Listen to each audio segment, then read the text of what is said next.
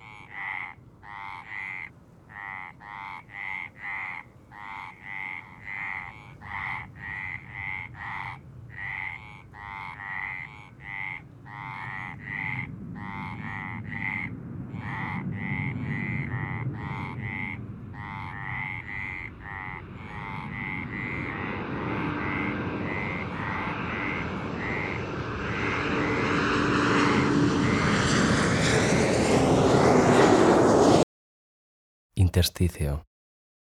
Hendidura o espacio, por lo común pequeño, que media entre dos cuerpos o entre dos partes de un mismo cuerpo. Intervalo, espacio o distancia entre dos tiempos o dos lugares.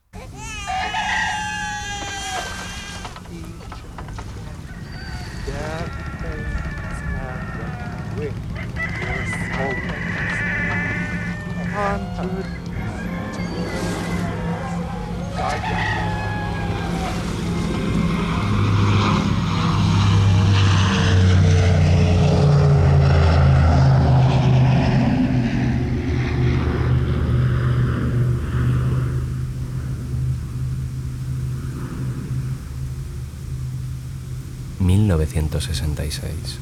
John Cage, junto a Mercy Cunningham, llegan por primera vez a Barcelona.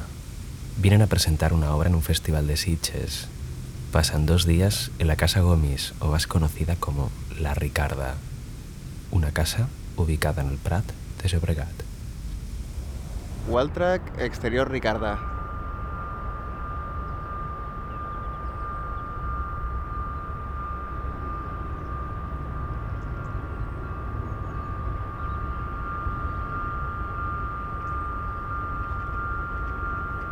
A mí me impresionó mucho la casa, primero por estar muy cerca de la playa, eh, y antes la entrada se hacía directamente desde la playa, por los pinares, y se llegaba hasta la casa. La casa prácticamente estaba fundida en el medio ambiente del bosque y realmente era una aparición muy, muy, muy espectacular.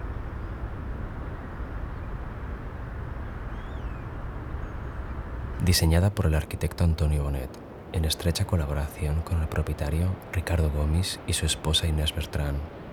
La Ricarda es quizá su obra más emblemática y en términos arquitectónicos el mejor ejemplo del racionalismo catalán.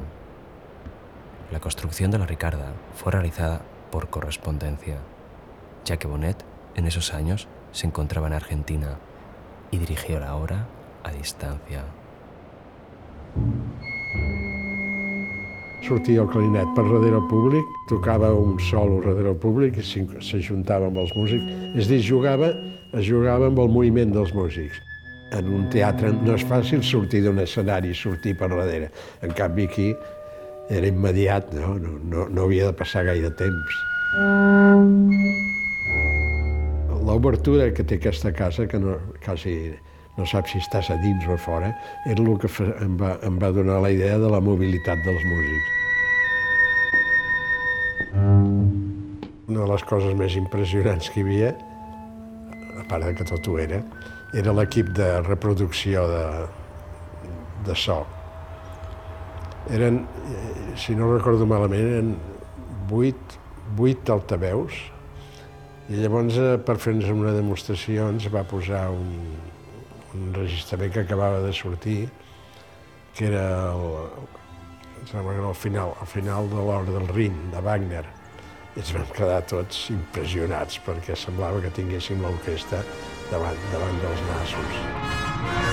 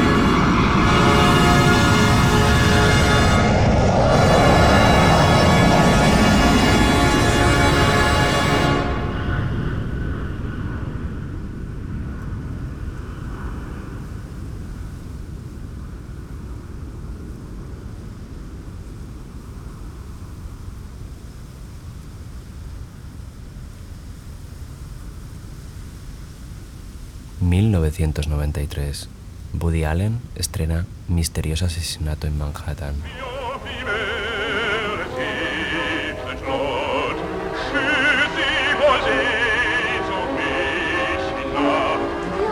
I sit through the ice hockey game and you watch the whole opera. I can't listen to that much Wagner, you know? I start to get the urge to conquer Poland. I always say that, well, it's meant to just 28 de enero de 2014. Gavin Lee, musicólogo de la Universidad de Duke en Carolina del Norte, publica en el YouTube un vídeo que recoge su conferencia titulada Interculturalismo, desde Wagner hasta Steven Feld. Parece ser que Gavin Lee sostiene que de la misma forma que Wagner animó a conquistar Polonia, Steven Feld ha tenido el mismo efecto en la conquista de la comunidad Kaluli en Papúa, Nueva Guinea,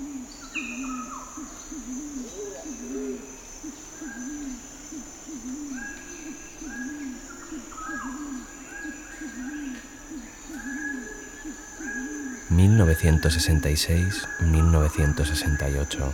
Edward L. Siefelin realiza unas grabaciones en Papúa, Nueva Guinea.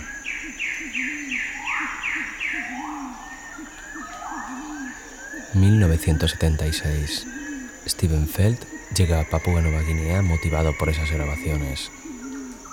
La musicalidad de la expresión de los Kaluli y la relación que esa musicalidad tenía con los sonidos de la selva le absorbieron. Según Steven Feld, las canciones de los Kaluli están íntimamente relacionadas con los cantos de los pájaros del bosque, porque para los Kaluli los pájaros son espíritus que hablan, cantan o lloran, y esto se ve reflejado en sus cantos.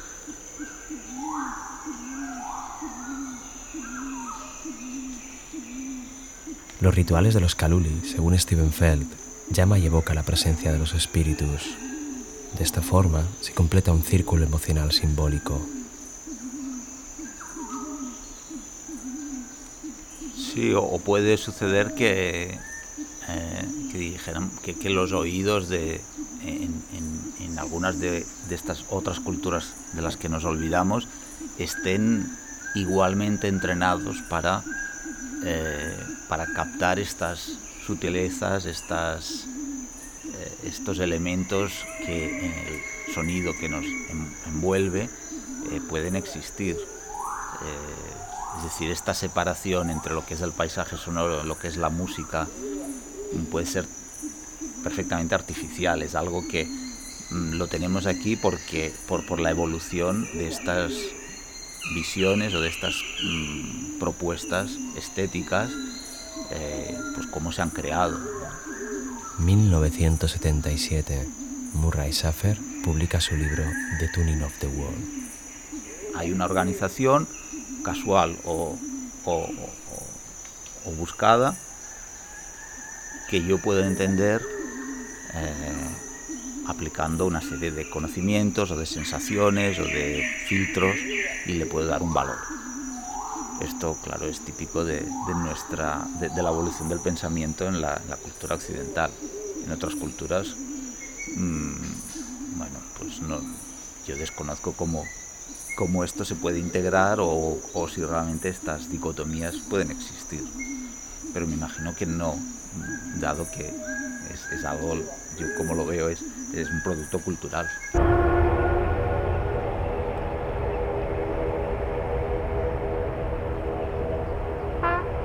1987, Murray Safer participa en un festival de nuevas radios en Nueva York. Safer propone la idea de una radio radical donde la naturaleza estaría presente como nunca antes en la radio. La idea era colocar micrófonos en ambientes naturales de difícil acceso para transmitir en directo el sonido sin editar hasta el corazón de las ciudades.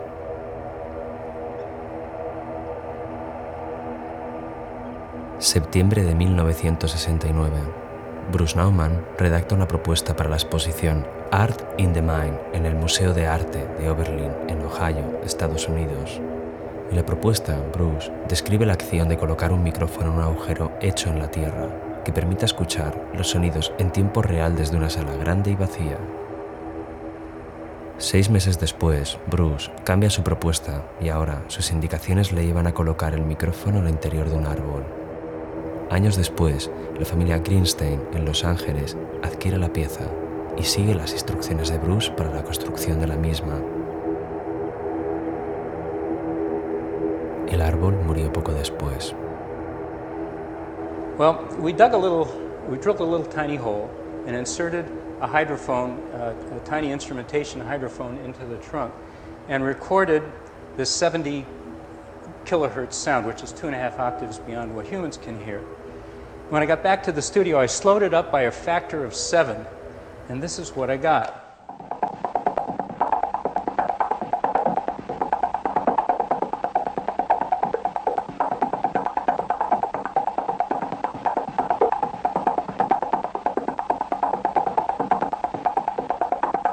Now, dang if that ain't weird. 22 de septiembre de 2009. El doctor Bernie Krause imparte una charla en la Universidad de las Ciencias de California, en Estados Unidos. En la presentación, Bernie muestra una grabación realizada a un árbol. Sin saberlo, estaba siguiendo las instrucciones de la pieza de Bruce Nauman escrita 40 años antes.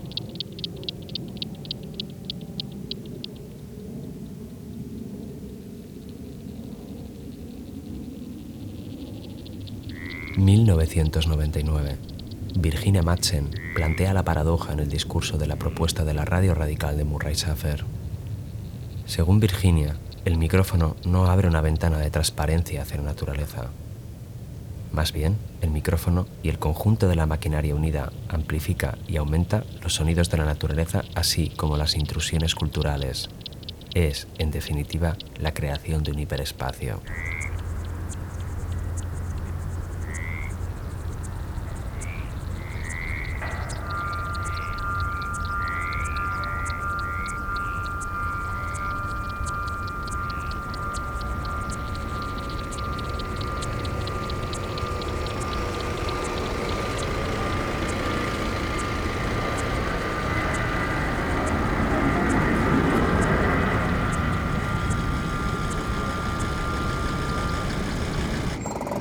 1990, Steven Feld publica su disco Voices of the Rainforest.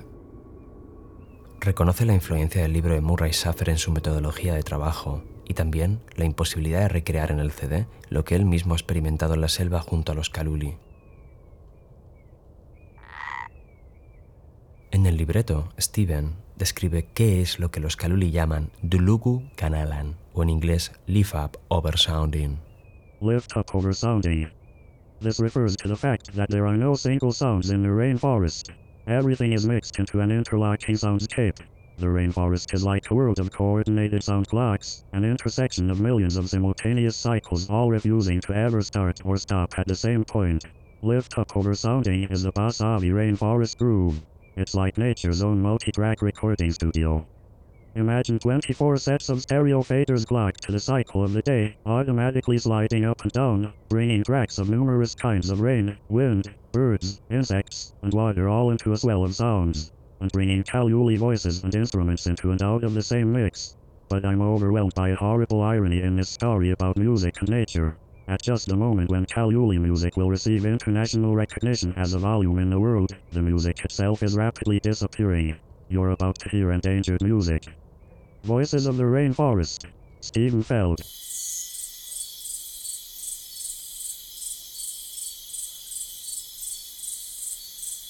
...1996... David Thomas, desde su apartamento en Canadá, hace una crítica feroz del disco de Steven Feld. Dejando de lado la explotación de la grabación y las técnicas de mezcla para simular el mundo auditivo de los Kaluli, David considera que la sola presencia de la tecnología de Steven Feld tiende a hacer desaparecer lo que en realidad preservaría a los Kaluli.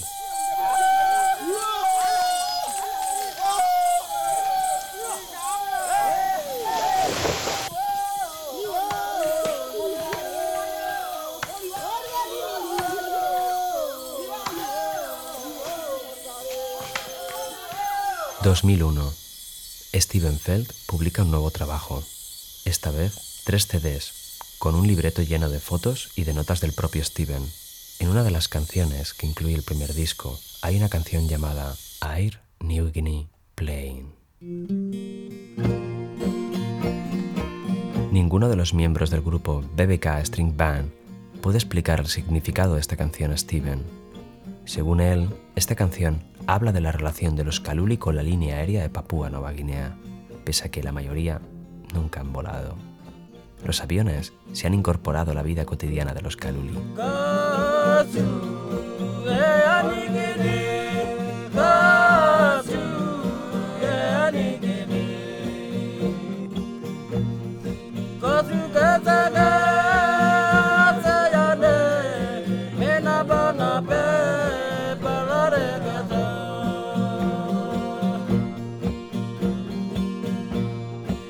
Que, tienes que pensar que a pesar de esta distancia física, ¿qué sucede?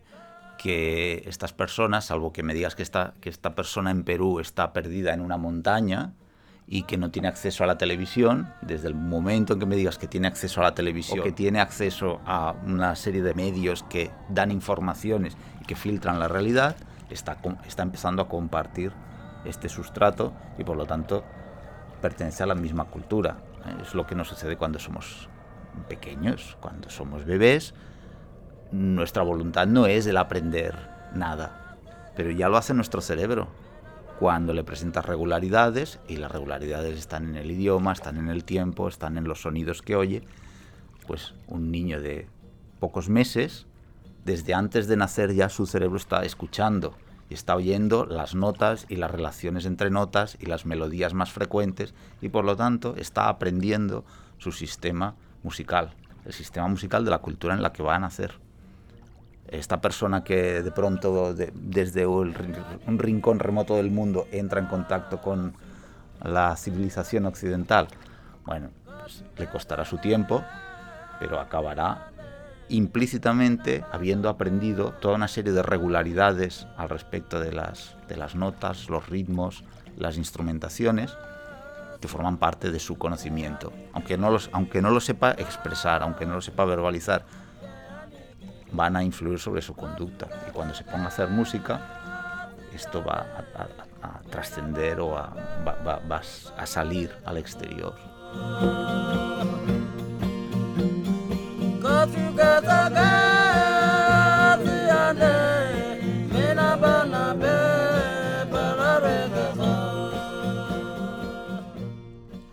De octubre de 2012. La Capsa publica en su cuenta de SoundCloud nueve nuevas versiones de sardanas en un único set. Entre las canciones se encuentra esta versión en la que los gaiteros del Prat también han incluido un avión.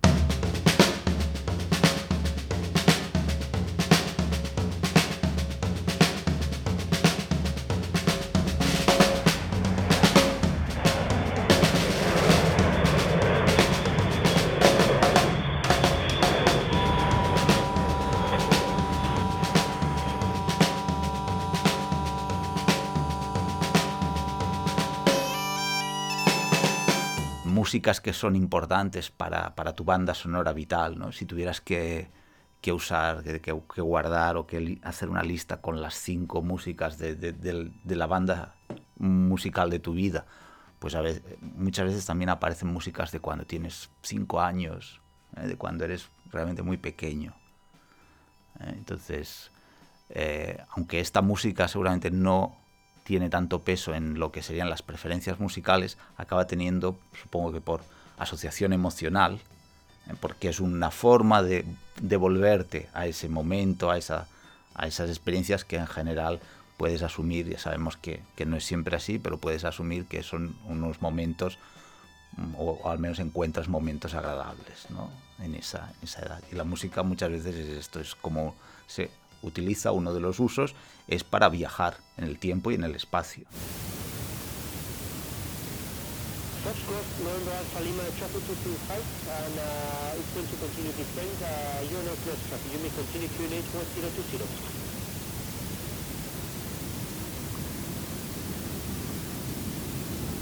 Alpha Lima, could you please tell me your type of aircraft?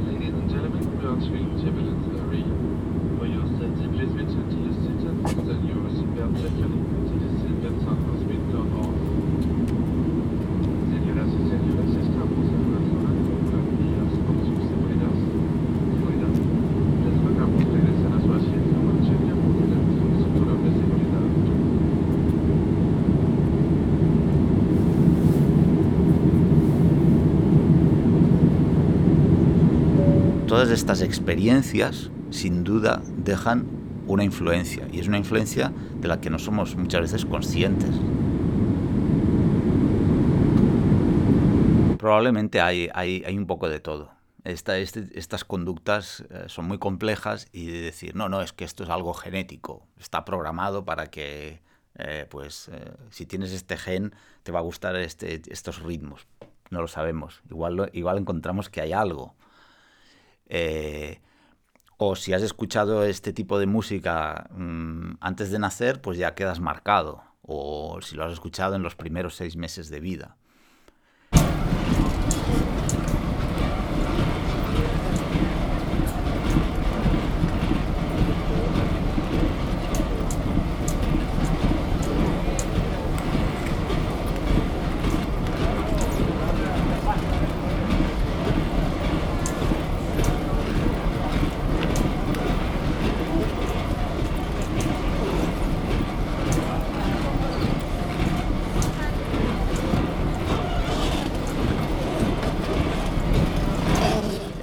La, música pone en, en- en acción muchas partes diferentes del cerebro, cosa que pocos otros estímulos hacen, pocas otras actividades, podríamos decir, artísticas o culturales consiguen eh, activar tantas áreas diferentes. Entonces, las memorias, los recuerdos que van asociados a la música están guardados a trocitos en muchos sitios diferentes del cerebro. Cuando utilizas esa música como, digamos, como mm, embudo de extracción de la información, estás realmente eh, conectando con muchos sitios diferentes y de ahí extraes mucha información. Y cosa que si simplemente das una palabra o das un concepto, eh, pues eso va a una memoria de palabras que tiene su lugar en el cerebro concreto y que está conectado con otros, pero no de la misma manera que, no tan ricamente como, como la música. 6 de noviembre de 2013. Observatorio de la Escucha. El Prat de Sobrecat.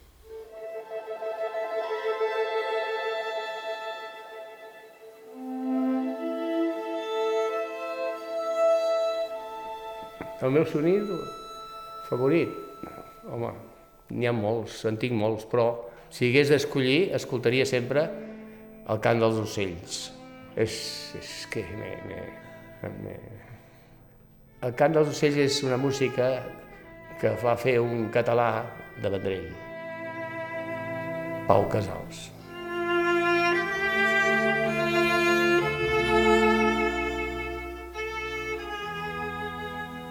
El 24 de octubre de 1971, Pau Casals recibe la Medalla de la Paz en un homenaje en la sede de la Asamblea General de las Naciones Unidas en Nueva York.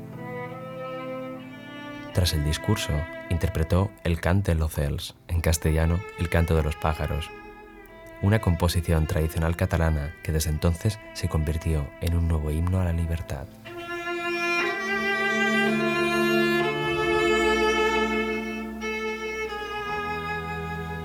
a short piece of the Catalonian folklore. This piece is called the Song of the Birds.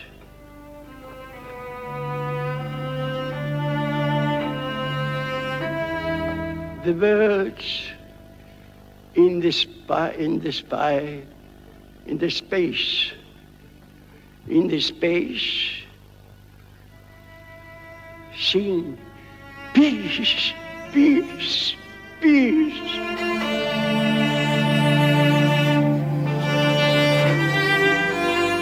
And the music is a music that it is so beautiful and it is also the soul of my country, Catalonia.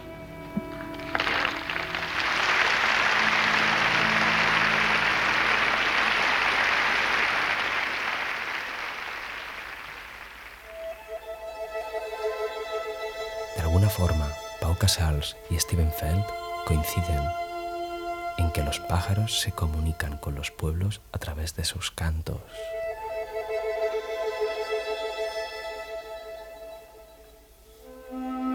El 42% de los pratencs y pratencas se decantan por el sonido de la naturaleza como su sonido favorito. La mitad de ellos prefieren el canto de los pájaros y en especial el canto del jilguero.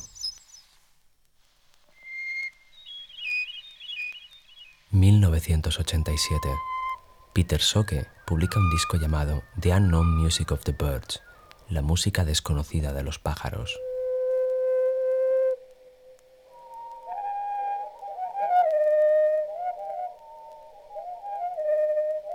Con este disco, el científico y musicólogo húngaro quiso demostrar las similitudes entre la música humana y el canto de los pájaros.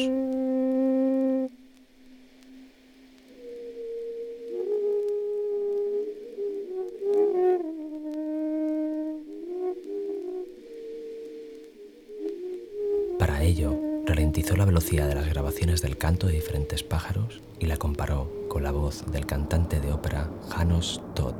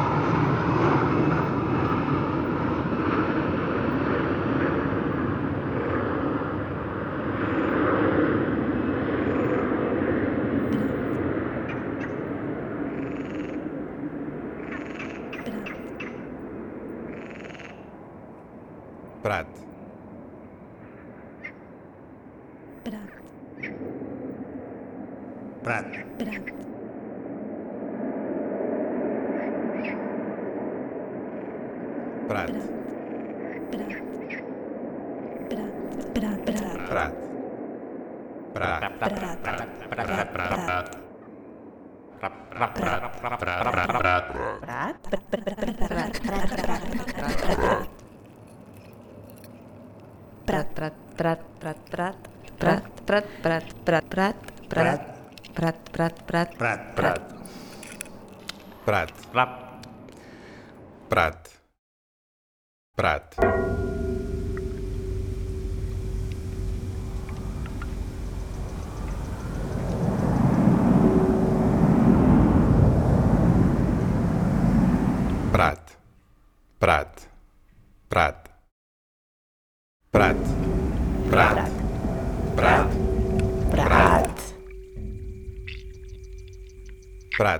800 Clar. espècies de plantes, 500 Clar. espècies de plantes Clar. autòctones, 5 Clar. espècies de granotes, 2 Clar. espècies de granotes extingides, 300 espècies d'insectes subaquàtics, Clar. 20 espècies de larves, 80 espècies de mosquits, 11 espècies de ratpenats, 295 espècies d'aus migratòries, 70 espècies d'aus residents, 5 observatoris de les aus, 385 vols diaris, 10 observatoris dels avions, 63.162 habitants del Prat. El Prat, Prat de Llobregat.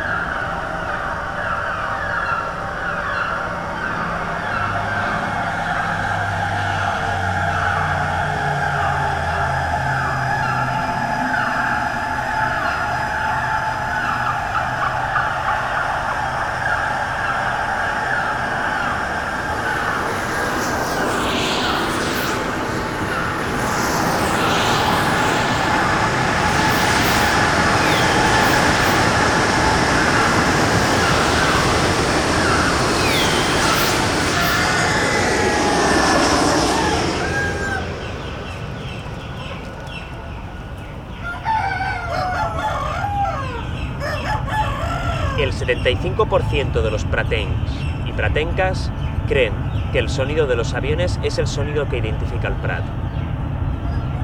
Hace años que los aviones no pasan por el Prat, pero ese sonido no ha desaparecido.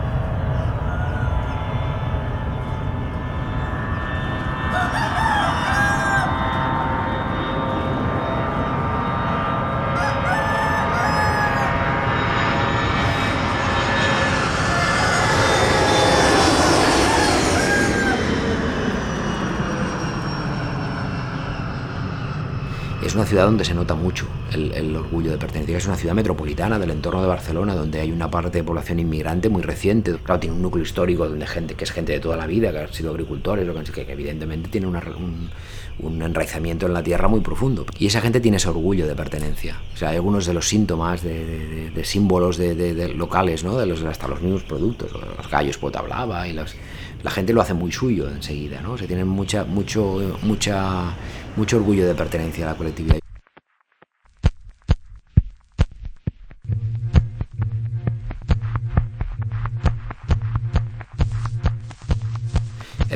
Tiempo que los aviones aterrizaban por encima del casco urbano. Ya hubo hace unos cuantos años que eso se, se cortó. Eh, y es verdad que cuando los aviones salían por la pista transversal, calentaban motores aquí al lado de, del casco urbano del Prat y entonces hacían muchísimo ruido. Pero ya antes de la ampliación del aeropuerto, ya se cambió eso.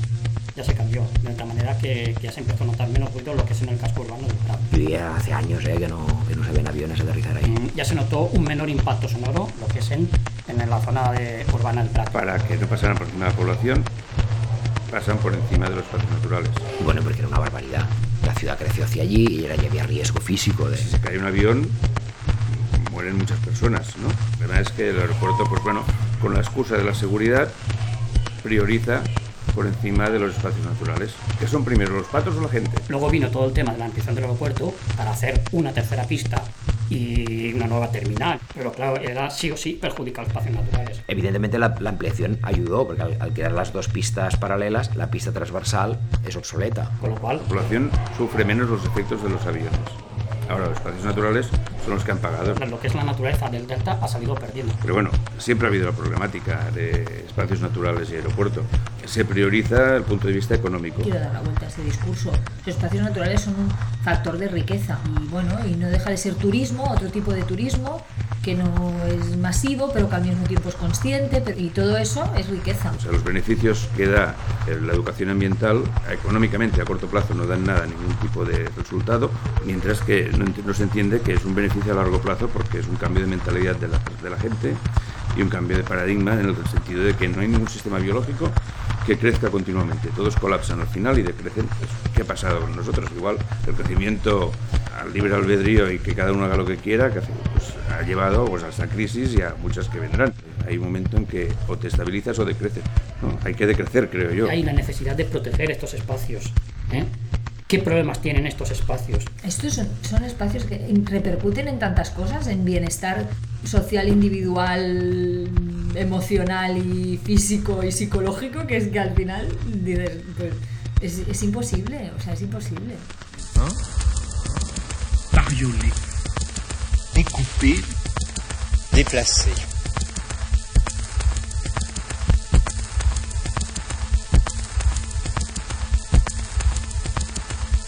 Pourtant, je crois qu'il y a, et ceci dans toute société, des utopies qui ont un lieu précis et réel.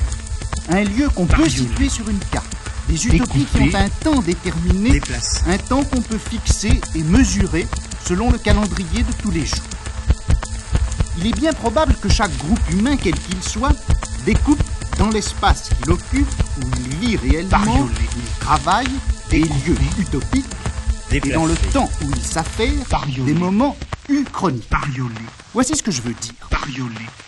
On ne vit pas dans un espace neutre et blanc, on ne vit pas, on ne meurt pas, on n'aime pas dans le rectangle d'une feuille de papier.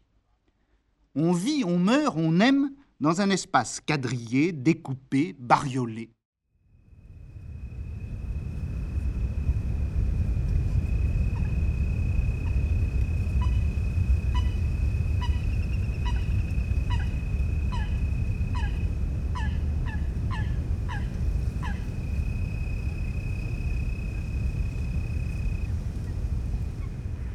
Que sí que es verdad que este territorio todavía hay una algunos espacios, entre comillas, mm, libres, que todavía está por acabarse de definir qué usos tendrá. Y que ahí sí que tenemos una debilidad como espacios naturales.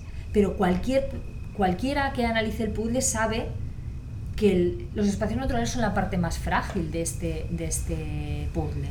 Ya está, ya está decidido qué es espacio natural, qué es infraestructura, qué es parque agrario, qué es mar, qué es tierra, qué es aire, ya está decidido, ya está. Y, ya, ya, y a partir de ahí, cada uno a lo suyo. Todas maneras, la relación entre el aeropuerto y los espacios naturales del delta eh, es una relación que no, que no está acabada, o sea, no se ha dicho todo ah, ah, todavía, ni el encaje es perfecto, o sea, no es que el espacio natural esté en un sitio, el aeropuerto esté en otro sitio y cada uno a lo suyo y, y ya está. No, yo creo que la relación es ahora mismo, ya de- desde, desde que se empezó con toda la ampliación del aeropuerto, los grandes perdedores han sido los espacios naturales, de una manera directa o indirecta. Por, por un lado, el ruido de los aviones, o sea, la tercera pista va de laguna a laguna y el impacto sonoro es exagerado justo encima de estas lagunas.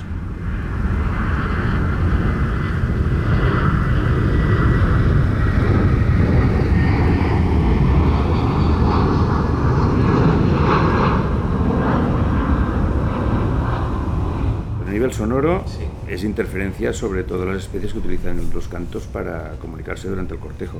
Eh, ¿Qué provoca eso? El coro disminuye tanto en intensidad como en número de individuos. Cuando tienes un aeropuerto pegado a un espacio natural y hay una normativa de funcionamiento del aeropuerto y una normativa de funcionamiento del espacio natural, ¿qué normativa tendría que prevalecer? ¿La de preservación de- del silencio y la tranquilidad dentro del espacio natural o la de funcionamiento de un aeropuerto al lado de un espacio natural. ¿no? Hay una ley de ruido que dice que en las zonas protegidas tiene que haber una cantidad máxima de ruido. Si realmente ponemos en contraste una normativa y otra, es posible que se esté vulnerando la normativa de protección de- del ruido dentro de un espacio natural por causa del aeropuerto. Pues que pasa un avión prácticamente cada dos o tres minutos, pasan por ahí tan bajos, tan bajos y hacen tanto ruido que te tienes que callar. Pues también lo hemos asumido. Quizá moleste mucho más a una persona que viene de fuera, que no está acostumbrado, eh, que a otros como nosotros que ya lo hemos interiorizado. Y pienso que la fauna en gran parte ha hecho lo mismo que nosotros. No hay una incompatibilidad en el tema de ruido entre el aeropuerto y los espacios naturales. Los animales se sienten protegidos, nacen en el entorno de ruido del aeropuerto y es su hábitat.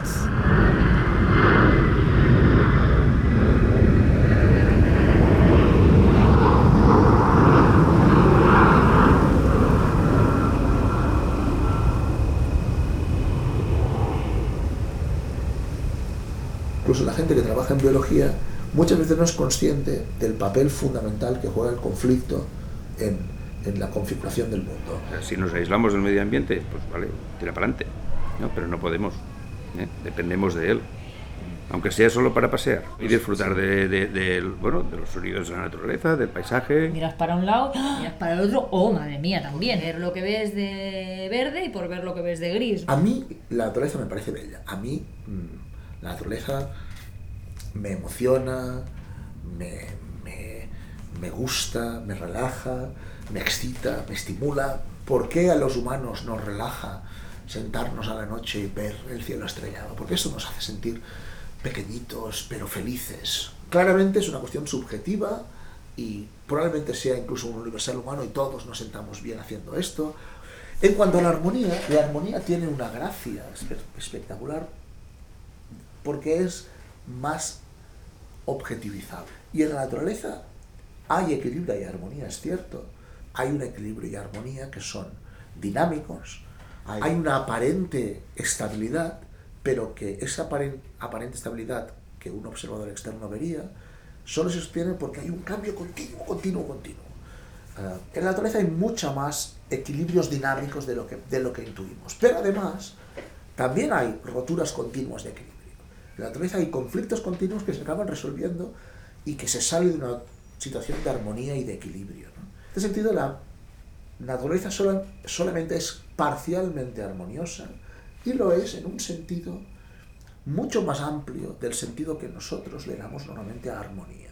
Hay una armonía probablemente en un sentido mucho más amplio, para empezar, y en segundo lugar, también hay extinciones en masa, luchas, guerras, infecciones, que en principio no deberían ser clasif- clasificadas como armónicas, pero las hay, ¿no?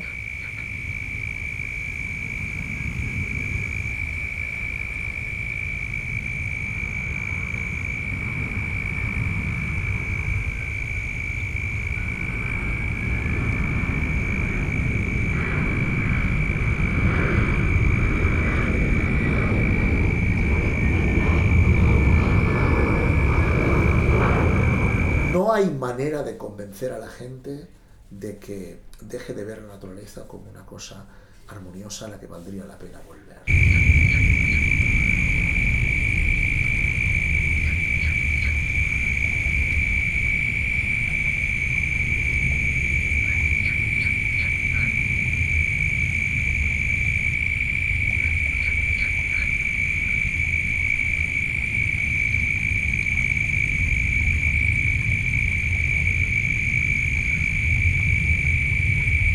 Bueno, mientras nos demos cuenta de que algunas de las decisiones que tenemos que tomar las tenemos que, que abordar empíricamente, mientras nos demos cuenta de esto y busquemos datos en lugar de aplicarnos en prejuicios a ciegas, ya, ya estoy contento. Uno de los subproyectos que había era hacer escuchas de cantos de anfibios a lo largo del tiempo, por la noche y en distintas zonas del delta del Llobregat. Entonces, justo en la zona del aeropuerto había una serie de charcas que habían coros de ranas muy importantes y ahí empezamos a grabar sonidos y entonces vimos que la intensidad de- del coro disminuía cuando aterrizaban o despegaban los aviones.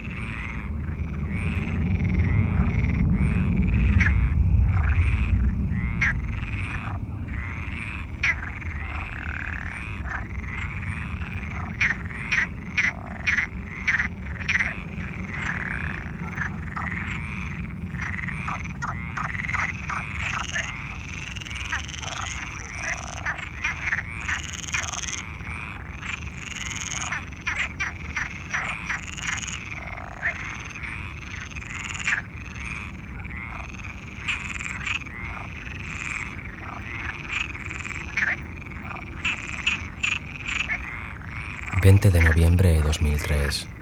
Peter Narins y Jennifer Sand presentan un estudio en la Universidad de California en Estados Unidos. Según ellos, los efectos del ruido producido por los aviones y las motocicletas afecta de forma diferente a las especies de ranas. Según su hipótesis, el hecho de que algunos coros de ranas disminuyan estimula que otras especies de ranas aumenten su canto y por lo tanto tengan una mayor probabilidad de reproducción y de supervivencia. Este estudio fue realizado en el Parque Natural Khao Yai de la parte central de Tailandia.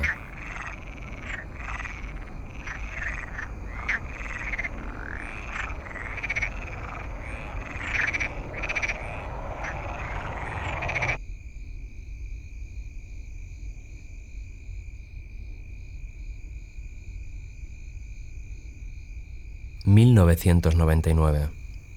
Komatra Chuen Satyan Sup publica un estudio llamado Sense, Symbol and Soma, Illness Experience in the Soundscape of Everyday Life. Komatra centró su estudio en la comunidad Kui, ubicada en la misma zona de Tailandia. Esta comunidad sufre síntomas como la pérdida de apetito o fatiga crónica por estar expuestos a cierto tipo de sonidos, como son las motocicletas o los sonidos cotidianos de origen mecánico. Según Comatra, estos sonidos son representaciones acústicas impregnadas con significados políticos y culturales que agravan la cualidad de sentirse vulnerable e indefenso para la comunidad QI. La situación de marginalidad social que sufren está relacionada con el paisaje sonoro que escuchan. Este paisaje está lleno de iconos sonoros dotados de significados políticos y culturales, además de sus propiedades acústicas que anulan el paisaje sonoro tradicional de la aldea.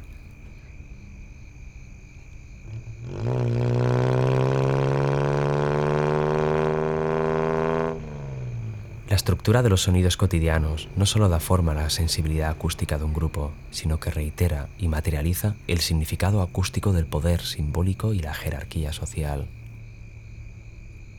De este modo, la enfermedad y el dolor toman forma dentro de este paisaje sonoro cotidiano, donde lo global abruma al local rompiendo sus silencios.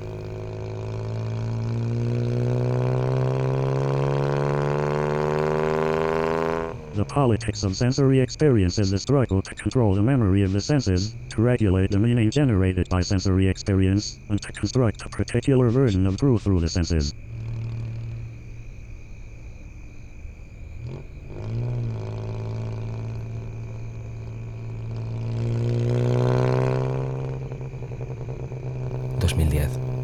Donald publica un texto titulado Sounds Like Hell, Beyond Dystopian Noise. James afirma que, siguiendo la lógica de Arthur Schopenhauer, la utopía debería ser el sonido del silencio.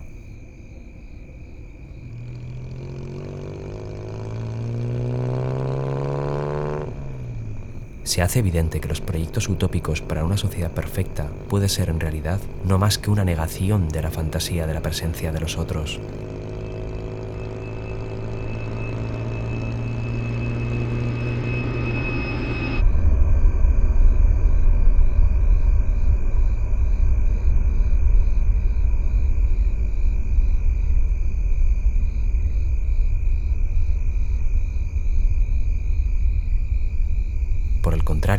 Las ciudades distópicas son un reconocimiento desesperado de la imposibilidad de la ciudad perfecta y muy posiblemente sus inconveniencias. Para el 58% de los pratenks y pratencas, el sonido más deseado es el sonido de la naturaleza, de los cuales más del 20% proponen la instalación y el uso de altavoces en el Prat con el objetivo de reproducir grabaciones sonoras de ambientes naturales. El otro 42% desea el silencio.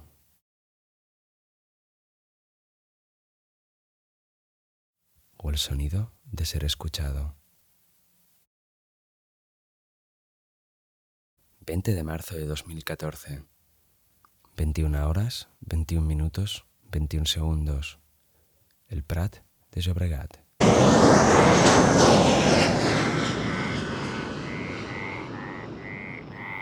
En estos espacios, habéis participado. Andrés Levin Richter. Josep María Mestres y Cuadrany. Soy Perfecto Herrera. Soy Pau Esteban. Albert Montori Faura. María José Albaladejo. Javier Santa Soy Santiago Alonso. Yo soy Arcadi Navarro. Elena Asensio. Luis Nasenta. Todos vosotros, todas las ranas que cantan todos los días y todos los aviones que pasan por encima de nuestras cabezas. A todos, gracias.